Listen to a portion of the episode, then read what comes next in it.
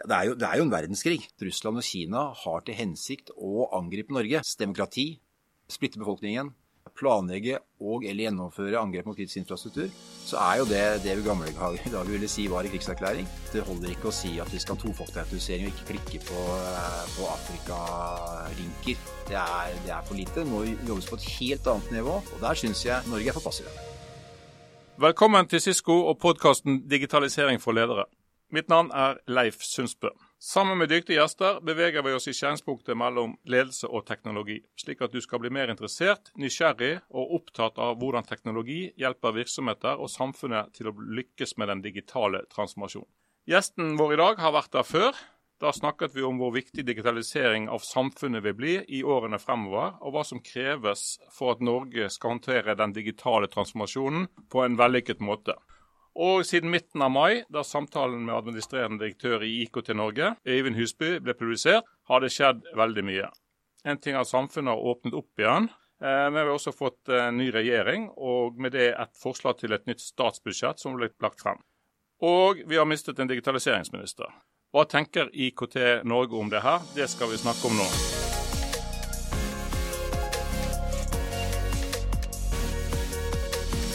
Velkommen tilbake, Øyvind. Takk for det. La oss uh, hoppe rett på sak. Vi har fått en ny regjering uh, med nytt statsbudsjett og ingen digitaliseringsminister. Er det gode eller dårlige nyheter for norsk næringsliv og Norge som sådan? Ja, Det gjenstår jo å se, uh, så vi har litt tidlig å trekke konklusjonen nå. Det kan hende det blir veldig bra, og det kan hende at det blir dårlig. Så det er måten dette kommer til å bli gjennomført på, og hvordan ansvaret nå kommer til å bli fordelt i regjeringen. og og, og, hvem som tar ansvaret, og hvem som formelt har ansvaret og erkjenner ansvaret, som kommer til å avgjøre om dette blir eh, bra eller dårlig. Hvor skal det ansvaret ligge da, tenker du? Ja, dette er jo et lederansvar. Eh, som så mye annet? Ja, som, som, veldig mye annet, og dette spesielt.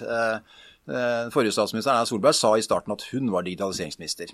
Det var veldig godt sagt. Og så ble det jo en digitaliseringsminister egen etterpå også, eh, som for så vidt fungerte, fungerte greit. men Jonas er digitaliseringsminister. Eh, punktum. Hands down.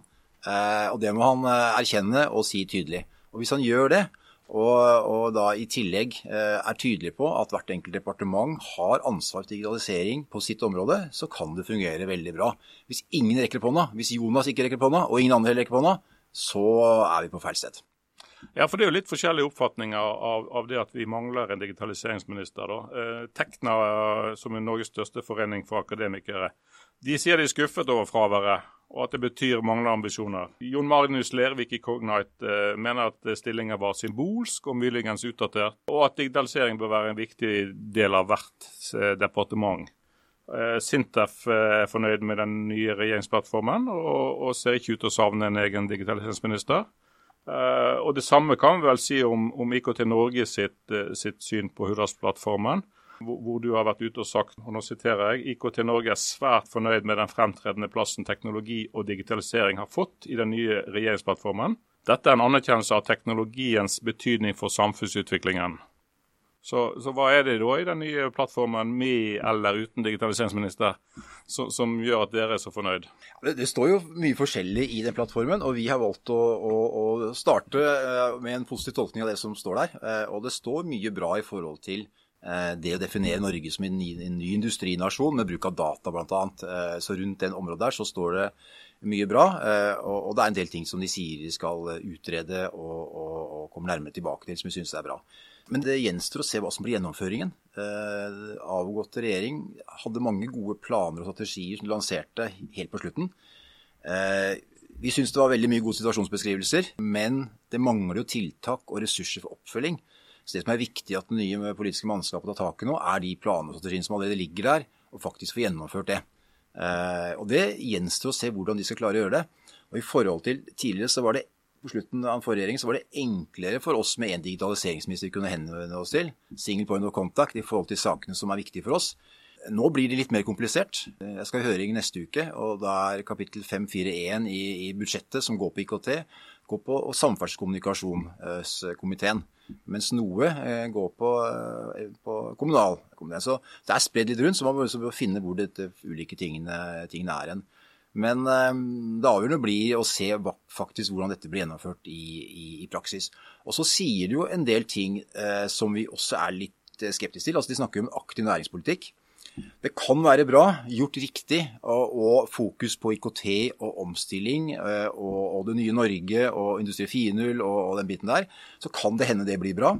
Eh, samtidig så har de mye høyere ambisjoner om statens rolle eh, enn avgått regjering, også i forhold til utvikling, i forhold til å ta et større ansvar for å faktisk å lage løsninger for det offentlige gjennom KS, som vi er eh, skeptiske til. Så vi har valgt å, å, å tolke eh, plattformen ut, fra det, ut, fra et positivt syn på det. Men det er klart det er en del ting som vi ikke er enige i, som vi skal følge nøye med på også. Og, og det er hva som faktisk blir resultatet, som, som er viktig. Og det, Dette vil jo dere selvfølgelig jobbe for å få gjennomslag for. Det vil vi, så det er vi allerede i gang med. Eh, nå er det jo høringer på Stortinget disse dagene her, mens vi sitter her nå, eh, i komiteene. Så vi har, eh, har innspill til de nye komiteene på de viktige sakene for digitalisering og, og effektivisering av Norge. Og så begynner jo arbeidet vårt med 2023-budsjettet, hvor de har marskonferansen, som vi er i ferd med å planlegge for det også. Men, men regjeringens holdning til bruk av konsulenter den har jo fått en del oppmerksomhet i, i mediet. Eh, og mest av alt at de ikke skal bruke PR- og kommunikasjonskonsulenter.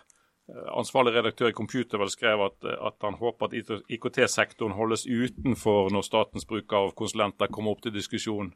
Eh, og viser til selvfølgelig det økende underskudd på, på IT-kompetanse som, som, finnes. Og Dette er jo et underskudd som, som er stadig voksende. da.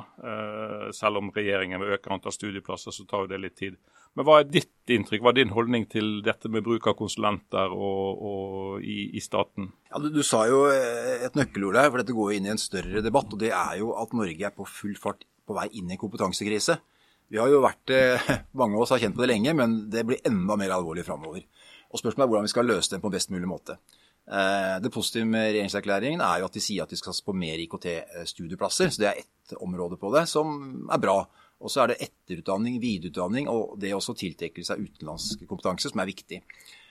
Men så snakker de om, om konsulenter, og, og, konsulenter er en viktig del, en viktig brikke i hele kompetansespørsmålet.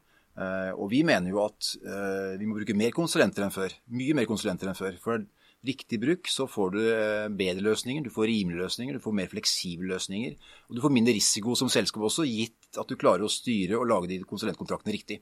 Så, eh, og det private bruker konsulenter veldig mye. Jeg i til Norge har store ambisjoner å bruke mer konsulenter neste år, for jeg ser viktigheten og betydningen av det. At vi leier inn de beste folkene. Om det er jurister, om det er IT, om det er eh, kommunikasjon. For å gjennomføre det vi skal. Det er Selvfølgelig skal vi gjøre det. Og det må også det offentlige, for de også avhengig av å få de beste løsningene. Og Så er det en annen perspektiv også som det offentlige eh, har i tillegg, og det er å ta ansvar for å utdanne og utvikle denne kompetansen. Konsulentselskapene er jo rugekasser eh, for å utvikle IKT-kompetanse. De tar eh, store kull, kommer rett fra skolebenken, som det offentlige ikke er så interessert i. De vil ha de erfarne. Og så har de et stort utdanningsprogram og bruker milliarder av kroner på å utdanne de nyutdannede. Og De får både eh, metodikkompetanse, de får internasjonal erfaring, de får domenekompetanse på tvers, både mellom private selskaper og private og offentlige selskaper. Så på veldig kort tid så blir de nyutdannede studentene veldig mye verdt for samfunnet. Eh, og det klarer ikke det offentlige å gjøre. Blir du ansatt i det offentlige, selv om det er en stor IT-selskap, så er det ikke det samme miljøet for å utdanne eh, kompetansen. Og det tror jeg den, det området blir ofte ikke tatt nok hensyn til i det offentlige. Eh, alle som driver med IKT vet hvilket stort kompetansebehov det er hele tiden for å utvikle alle nivåer av, av, av, av IT-arbeidere kjempestor kostnad, eh, og det kreves et miljø for å gjøre det. Og Det har ofte ikke det offentlige hvis det er for små organisasjoner. Så vi mener offentlig må bruke mer konsulenter, men riktige konsulenter, og sette sammen team på tvers med både konsulenter og domenekompetanse lokalt for organisasjonen. Og, og, ting som er drift, eh, må de gjøre selv. Eh, noe av det, mens noe skal settes ut. Mens utvikling bør i større grad skje, det, skje i det private. Og så er det mange aspekter ved dette. Du kan se f.eks. cybersikkerhet. Det var en undersøkelse for tre uker siden som viste at åtte av ti private selskaper nå planlegger å sette ut cybersikkerheten til eksterne. Så private ønsker å bruke konsulenter på cybersikkerhet. Og jeg håper at det offentlige også tenker samme. Når ikke de private engang klarer å utvikle eh, verdens ledende cybersikkerhetsmiljø og løsninger, så klarer i hvert fall ikke det offentlige å gjøre det. Så her må man tenke åpent i forhold til hva skal man løse, hva er den beste veien fram dit. Og da har konsulenter en veldig viktig plass på veldig mange av disse områdene. Ja, når vi er inne på cybersikkerhet også, så, så når vi spiller inn denne episoden, her, så, så, legger vi jo bak oss Nasjonal sikkerhetsmåned. Og, og, en rekke rapporter som har blitt publisert i den senere tid, eh, slår fast at det vi ja, egentlig visste, at Norge er et attraktivt land å angripe. Hvor vi ser at veksten av cyberangrep har økt med ca. 40% globalt i det siste året, mens, mens, i Norge så har det økt med mer enn en, en 70% Det betyr at flere hundre virksomheter i Norge blir angrepet hver eneste uke. Uh, og så vet vi at, uh, at uh, det er ikke alle som melder fra om det heller. Men, men, hvorfor klarer vi ikke å bli bedre på, på IT-sikkerhet i Norge, da? Ja, Det er lett svar på det, egentlig. Det dreier seg om tre ting. Det er ledelse, kultur og kompetanse. og Det starter med at man må få, ha en felles situasjonsforståelse. Hva er det som faktisk er situasjonen? Og vi bommer allerede der. Vi har ikke god nok innsikt eller kompetanse eller forståelse eller erkjennelse på den situasjonen som faktisk finnes. Det dreier seg på alle nivåer. I dag så var det en dobbeltside med NSM i avisen, med, med Sofie Nystrøm som er ny, eh, ny sjef der, eh, hvor hun sier at Norge har ikke kontroll på, på nett og infrastruktur, avhengigheter i Norge. Eh, og Det er ikke oppsiktsvekkende at vi ikke har det. Det er veldig komplisert, og NSM er i full gang med å kartlegge det. Men, men, det starter av det der at du må kartlegge situasjonen. Eh, det har blitt er helt enig i, at det svakeste leddet i cybersikkerheten det er i styrerommet. Eh, nest svakeste er hos CEO-en, lederen, og tredd er i ledergruppen. Det er der det starter i forhold til å, å få kontroll på denne cybersikkerheten. Og det vises eh, både i politikken, vi var innom regjeringserklæringen. Cyber er nevnt ett sted som siste kulepunkt, i et, et annet sted, hvor man skal lage en tiltaksplan for næringslivet. Vi skal ikke gjøre det. Altså, vi, skal, vi skal gjøre det også. Vi må starte med å, å, å lage en overordnet strategi. Vi må starte med å skape dybde i cyberforsvaret. Her blir det at man skal forsvare seg med et heimevern, og det er liksom, det er liksom strategien. Vi er nødt for å, å, ha et helt annet holdning til cybersikkerhet enn det både den forrige regjeringen viste, men også det som kommer som signaler fra nye erklæringer også. Det er ikke et kulepunkt nederst at vi skal ha en aksjonsplan for næringslivet. Det er noe mye, mye mer enn det.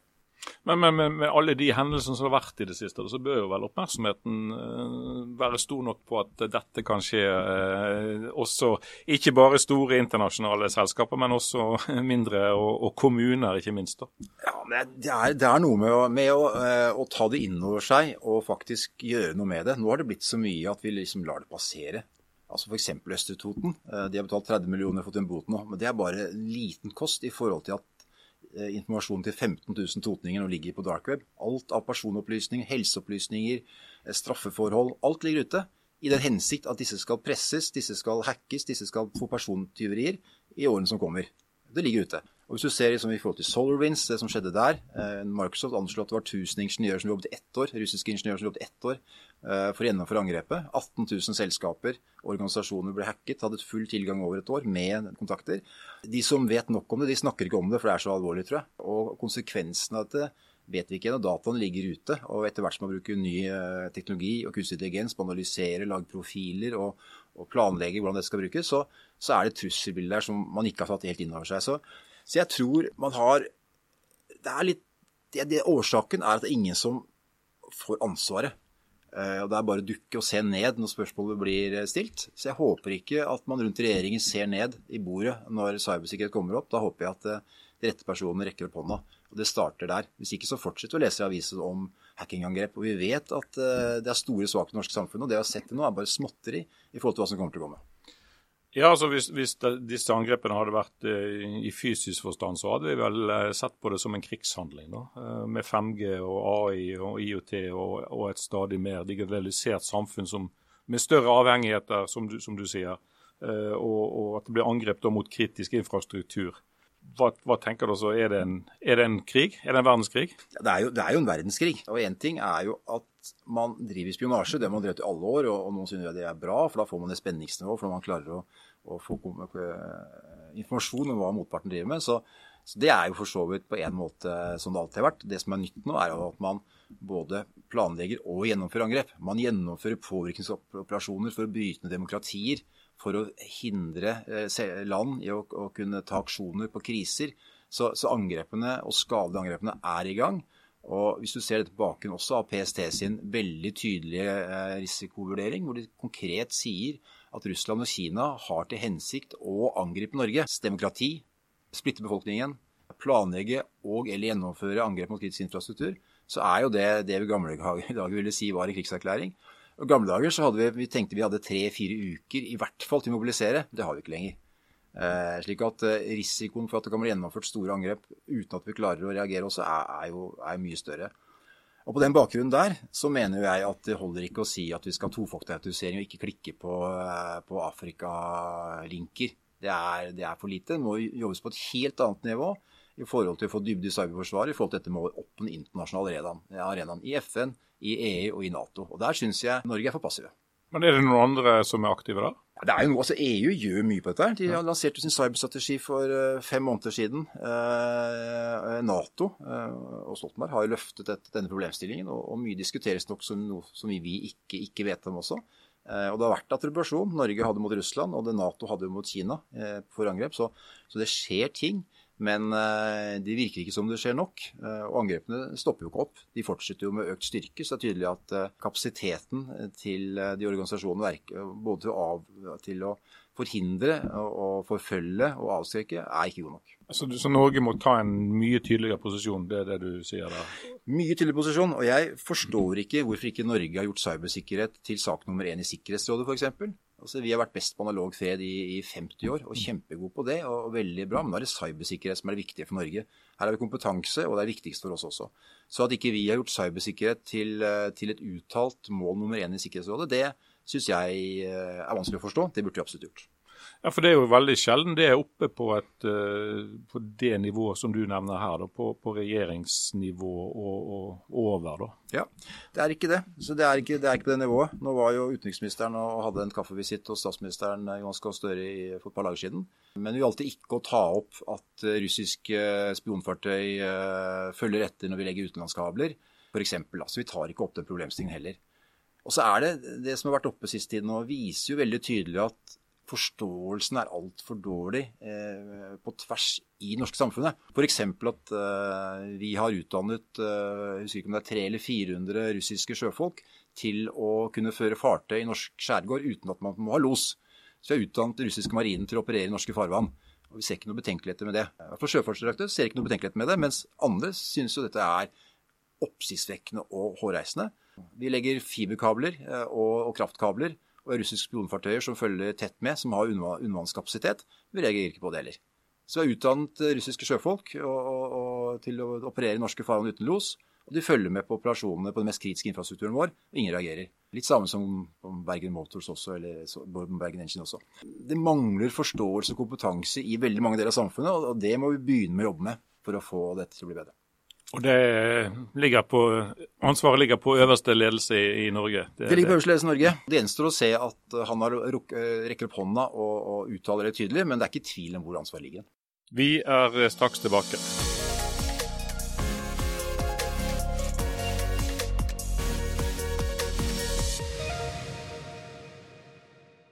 Litt uavhengig av, av, egen digitaliseringsminister, så inneholder jo også Hurdalsplattformen mange klare ambisjoner for et mer digitalisert Norge. Da, hvor staten skal ta mer kontroll og styring. Og så skal det settes ned utvalg for å sikre mer enn demokratisk kontroll over digitaliseringen. Og sørge for at data skal gi verdiskapning i Norge. Ikke bare til de store Facebook, Google, Amazon og andre. Eh, og skal utrede om Norge skal da også ha en statlig skyløsning for lagring av data.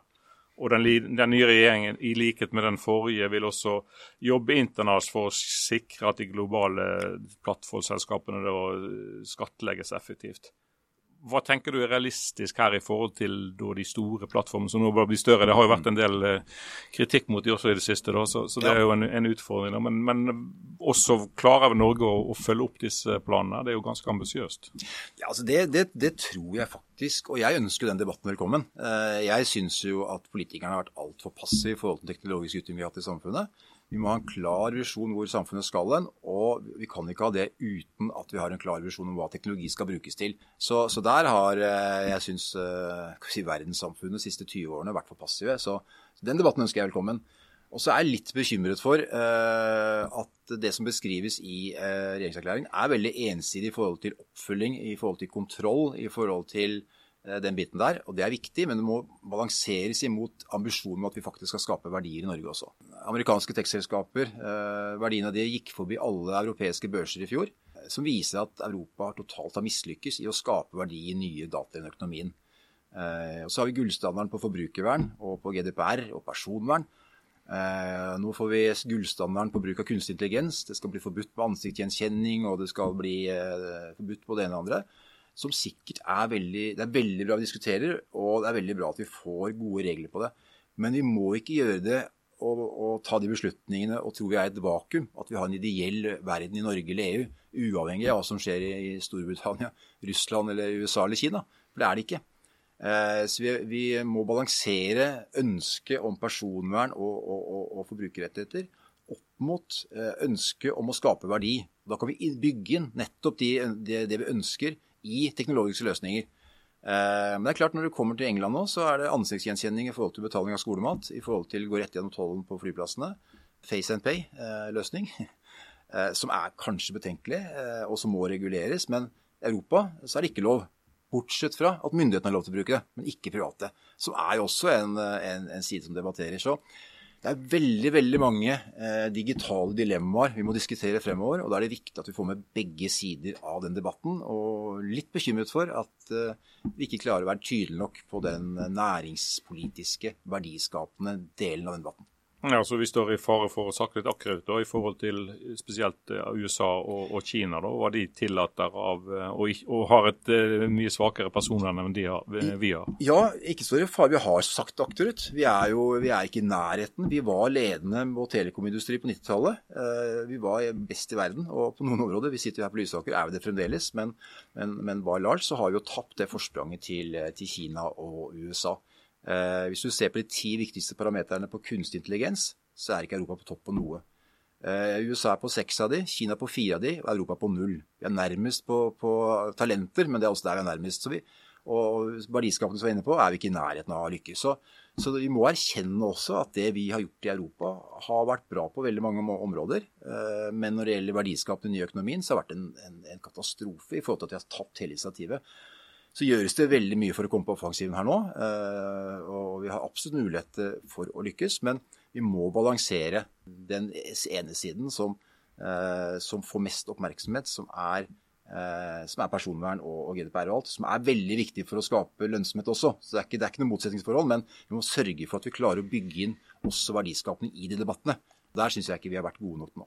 Eh, men en avgjørende faktor for at vi skal lykkes med digitalisering også, er at vi får med oss uh, folket, da, som det heter, eller mm. menneskene oppi dette. Og, og I sen senere tid så har vi også kunnet lese i, i media at, at, det brer om seg et uh, såkalt digitalt utenforskap, da, hvor, det hevdes at 600, nordmenn, 600 000 nordmenn er ikke-digitale. Og Med tanke på hvor samfunnet endrer seg, og hvor hvor digitalisert vi blir etter hvert, så er jo det en, en bekymring. Og, og, McKinsey snakker om at endringene, endringene i teknologiutviklingen vil føre til, eh, som, som, de kommer til neste årene, vil være mer omfattende enn de foregående 100. Mm. Og Hvordan skal vi få med oss hele nasjonen, og, som, som, Arbeiderpartiet sier at alle, alle, skal med, dersom det, dette tallet stemmer? da. Mm. Personlig syns jeg det er et veldig høyt tall, men, men, eh, det har vært fremme i media ved flere anledninger. Ja, altså det er, det er, en veldig viktig debatt. Og, og, og en av styrkene i det norske samfunnet er nettopp at vi har fått med oss flere, eh, en, flere med enn alle andre samfunn. Eh, både i forhold til eh, at er, vi har gratis utdanning, så det er et veldig høyt kompetansenivå i forhold til eh, lønnsforskjeller, i forhold til sosiale forskjeller. Eh, og i forhold til digitale forskjeller også, så, så, er det mindre i Norge enn i veldig mange andre land. Eh, men det er noen som faller utenfor, og det må vi jobbe aktivt for å få de med. Hvilket eh, Norge har, har, lansert eh, en egen plan for hvordan man skal gjøre det. Bl.a. ved å opprette digitale hjelpesentraler på bibliotek, i forhold til egne opplæringsportaler for eh, de som har problemer med å, å orientere seg digitalt. Så, så, det er en viktig debatt eh, som vi må ha og, og, og, lage plan for. Samtidig, det at teknologien utvikler seg, gjør også at det er lettere å ta teknologien i bruk. For også brukervennligheten utvikler seg. Det går både på det som vi var inne på i stad, cybersikkerhet. Etter hvert så, så slipper du av tofaktorautorisering fra andre autoriseringsmetoder som er mye enklere. Du slipper passord. Du, altså, så, så, det bygges inn eh, mye mer eh, av teknologien som gjør at det er lettere å ta det i bruk. Eh, som gjør at man bruker ethvert teknologi uten å tenke på det. Eh, så det er, det er en fordel. Men det er klart vi må ha et bevisst forhold til at vi skal ha med oss alle. Ja, og I statsbudsjettet for 2022 eh, så er det satt av 13 millioner til tiltak da, som skal forhindre digitalt utenforskap. 13 millioner kroner for 600 000 nordmenn blir sånn eh, ca. 22 kroner eh, per ikke-digitalisert for å få det digitalisert. da. Eh, det er jo ganske lite. Mm. Og så høres det litt enkelt ut. og, og og I en rapport som Cisco la frem i 2020, så konkluderte vi at Norge har svakere forutsetning for digitalisering enn våre skandinaviske naboer. Mm. Eh, og Det var spesielt innenfor humankapital, da, mm. eh, hvor, hvor, Norge skåret dårlig. Altså vårt eget kunnskapsnivå. da. Mm. Eh, 22 kroner eh, per eh, person eh, for å forhindre det, eller for å, utvikle det, er en, eh, det er vel litt lite. Hva mer kan vi gjøre da for at den kunnskapen skal uh, gjøre oss mer konkurransedyktige? Ja, Det er, det er altfor lite. Og, og, du kan si 75% av nasjonalformuen er humankapital. Så det å utvikle humankapital er ekstremt viktig. Uh, akkurat på det området så har jo faktisk pandemien gjort det veldig At vi hadde et positivt løft i Humankapital Norge. Fordi vi var så godt utbygd i forhold til både infrastruktur i forhold til digitale løsninger. Så jeg tror vi Humankapital Norge tror jeg kanskje har økt mer enn andre land når det gjelder den digitale verdien av humankapitalen. Men det er klart, eh, det å utvikle den videre, det er ekstremt viktig. Og det går eh, selvfølgelig på eh, spesielle tiltak for de som ikke er med. Og, det er jo for lite det som er avsatt i forhold til at det skal monne. Men jeg er vel så bekymret for at jeg har satt altfor lite midler til digitale læremidler i skolen. Det er eh, nesten ikke, og det står under pandemien, så, så tipset lærerne hverandre om gratis kinesiske opplæringsprogrammer eh, som de brukte. Eh, det var ikke gratis, det bare så sånn ut. Eh, så det er klart det også å se på hvordan du skal bruke digitalisering og digitale læremidler på alle nivåer i samfunnet, både i skole og utdanning, eh, og selvfølgelig å få med de som ikke er med, er veldig viktig. Og så er det, Under parolen 'alle skal med', så må vi heller ikke glemme at 500 000 nordmenn ikke har tilgang til skikkelig bredbånd ikke under 100 megabit. Eh, og Det fører til digital utenforskap. Og, og det siste rapporten fra Nkom forrige uke viste jo at dette er nettopp distriktene som faller bak nå. Det fører til digital utenforskap. Det fører til at, fører til at, vi, til at, vi at, eh, barn ikke får den hjemmeundervisningen eller bruker digitale læremidler hjemme eller på skolene. Og det fører til at vi ikke klarer å ta hele landet i bruk i forhold til verdiskapning, som er en av, en av, en av eh, de populære parolene nå. Og Da er det synes jeg, oppsiktsvekkende at regjeringen velger å skjære ned på toppfinansieringen av bredbånd, som de gjør nå, til 204,6 millioner, som er laveste på veldig mange år, i en tid hvor det burde vært femdoblet. Vi mener vi trenger 1 milliard kroner hvert år i fem år, så kan vi sikre 1 gigabit til alle i Norge. Det vil være en kjempestor samfunnsøkonomisk eh, gevinst. Eh, og da vil de private stå for titalls milliarder kroner. Så dette er bare toppfinansieringen for å ta den siste biten av det. Så under både parolen 'alle skal med' eh, og ta hele landet i bruk', så håper vi der at den nye regjeringen kommer til å, å sette fart på den biten av det. Ja, for, for bredbåndsdekningen eh, i Norge, ambisjonene der er jo ikke så veldig store. Er, Sammenlignet med våre naboland. Nei, de er altfor lave. Eh, og, mens svenskene har 1 gigabit til alle, så har Norge 100 megabit til alle. Så, og vi kan ikke leve med at Sverige har en målsetting som er ti ganger høyere enn Norge. Det, det, går ikke. Og det er på mange områder at vi har for lav ambisjon i Norge i forhold til eh, omverdenen. Eh, vi, er, vi, vi, tror vi er gode med 100 megabit, og så løfter vi blikket litt oppover Svinesund. ser vi at det er, ti, det er en tiendedel av hva som er ambisjonen i nabolandet vårt, som vi skal konkurrere med. Så jeg tror i tiden framover så må vi bli flinkere til å sammenligne oss med landet rundt oss. Og når det gjelder digitalisering og bruk av teknologi, så må Norge være nummer én i verden. Vi kan ikke ha noe lavere ambisjon enn det. Vi er helt avhengig av for å utvikle Norge som nasjon videre. Men samtidig så ser vi at DNB, som ikke engang kaller seg en bank, men kaller seg et IT-selskap, eh, måten de møter det på, er jo å lansere en bank som, eh, for de som ikke har internett. Og det skjer 30 år etter at vi fikk mm. internett, og 20 år etter at vi fikk nettbank. Eh, ligner ikke det litt på en, en Det er jo en fallitterklæring og, og, en reversering, ikke det? Nei, det, jeg, jeg, vil ikke si at det er det. Altså det er, Og DNB har gjort De var jo den første banken som sa at det er ikke en bank, vi er et IT-selskap. Og det mest oppsiktsvekkende med det var hvilken oppsikt det vekte. Selvfølgelig er det ditt selskap. Eh, og, og, stadig flere må veldig raskt erkjenne at de er et teknologi- og selskap. Alle selskaper er det. Eh, så, så det mest oppsiktsvekkende der var oppsikt, oppsikten vakte. Og DNB de tok konsekvenser og meldte seg inn i IKT Norge og sitter i styret i IKT Norge. Så de har virkelig tatt walk the talk, og de er et IT-selskap. Og det at man også erkjenner at uh, tempoet går litt usikt, ulikt i befolkningen, og at noen fremdeles trenger å være litt lenger på den gamle løsningen før vi kutter den ut, så, så syns jeg ikke det er en fallitterklæring. Det er snarere at man, man, hører etter og erkjenner at alle er ikke like. Men jeg syns spørsmålet ditt er, er, godt i forhold til om man skal ta kraftige grep for digitalisering. Jeg sitter i regjeringens referansegruppe for Skatteutvalget, og vi hadde møte på mandag. og Et av de radikale forslagene som vi foreslo, var å forby papirfaktura. Fordi Eh, det vi ser, er jo at i tillegg til at det er problemer med momsunndragelse, så fører det til at, at eh, det spekuleres i eh, å sende papirfaktura og ta gebyrer for det, som hindrer at vi får den overgangen til e-faktura som vi ønsker. Det har stoppet opp, for det er så mange som tjener på å ikke ha e-faktura.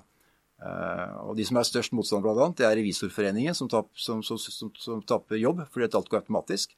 Eh, og inkassoselskapene. For det blir ikke noe inkasso når folk betaler regningene sine. Så, så, det er klart det er en del sånne områder hvor vi trenger en sånn slags røykelov for å faktisk bikke over den siste biten av det. Og så er det noen som sannsynligvis må ha papirfaktura, men det hvert fall blir mindre lønnsomt for selskaper å spekulere i å bruke analoge eh, verktøy for å bremse effektiviteten.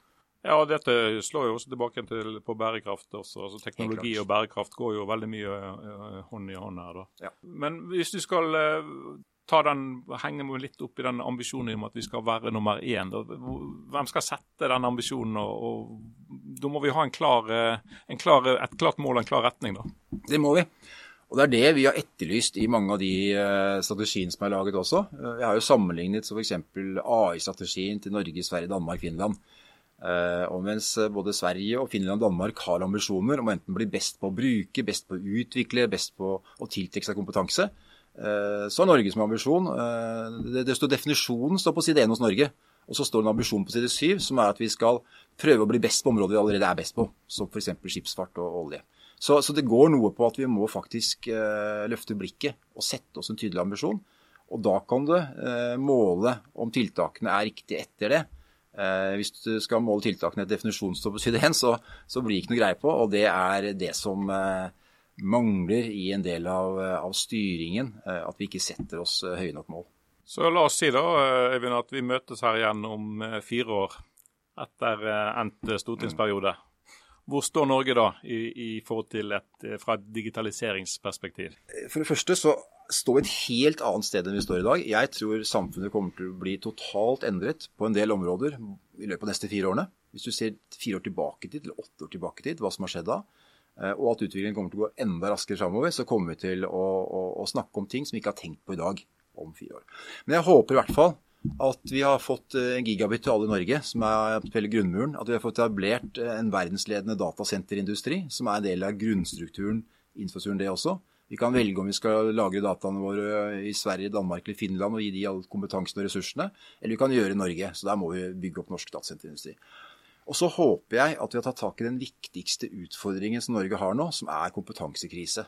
At vi faktisk har klart å lage et utdanningsløp som gjør at vi klarer å utdanne den kompetansen vi trenger innen IKT. Og at vi klarer å tiltrekke oss også utenlandskompetanse på dette området. Så, så, det er på en måte de overordnede eh, områdene som jeg håper da sitter og, og, og snakker om om fire år. At ja, vi klarte det. Vi klarte å, å, bygge infrastruktur, vi klarte å skape ny industri. Og vi klarte å, å, tette det kompetansegapet bedre enn nabolandene våre. Og så står vi jo foran en revolusjon på veldig mange områder nå. Ett område er jo eh, Industri 4.0 eh, i forhold til å utvikle industriell software, i forhold til å, å transformere eksisterende industri over til å bli softwarebasert, eh, over til å bli eh, mer basert på digitale tvillinger i forhold til beslutningsstøtte, i forhold til simulering, i forhold til alt. Sånn som eh, Cognite, som ligger litt i nærheten her, eh, har tatt en ledende rolle på. Og mens Europa nå ligger veldig langt bak på plattformselskaper som går mye på det private, også for så vidt på cloud-løsninger, så tror jeg på industriell software og Industri 4.0 så har vi en mulighet til å bli verdensledende hvis vi satser riktig. Og i tillegg for eksempel også da, til eh, energi, og i forhold til bygge det videre på som vi er veldig gode på i dag, som er en del områder, f.eks. som vi sitter her i dag, i forhold til videoteknologi, i forhold til en del annen teknologi også, som vi er veldig gode på. Så det må utvikles videre. Tusen takk til Eivind, og tusen takk for at du lyttet til oss. Denne episoden ble spilt inn 28.10. Og for at du skal være sikker på å få med deg neste episoden og øvrige episoder, bør du abonnere nå.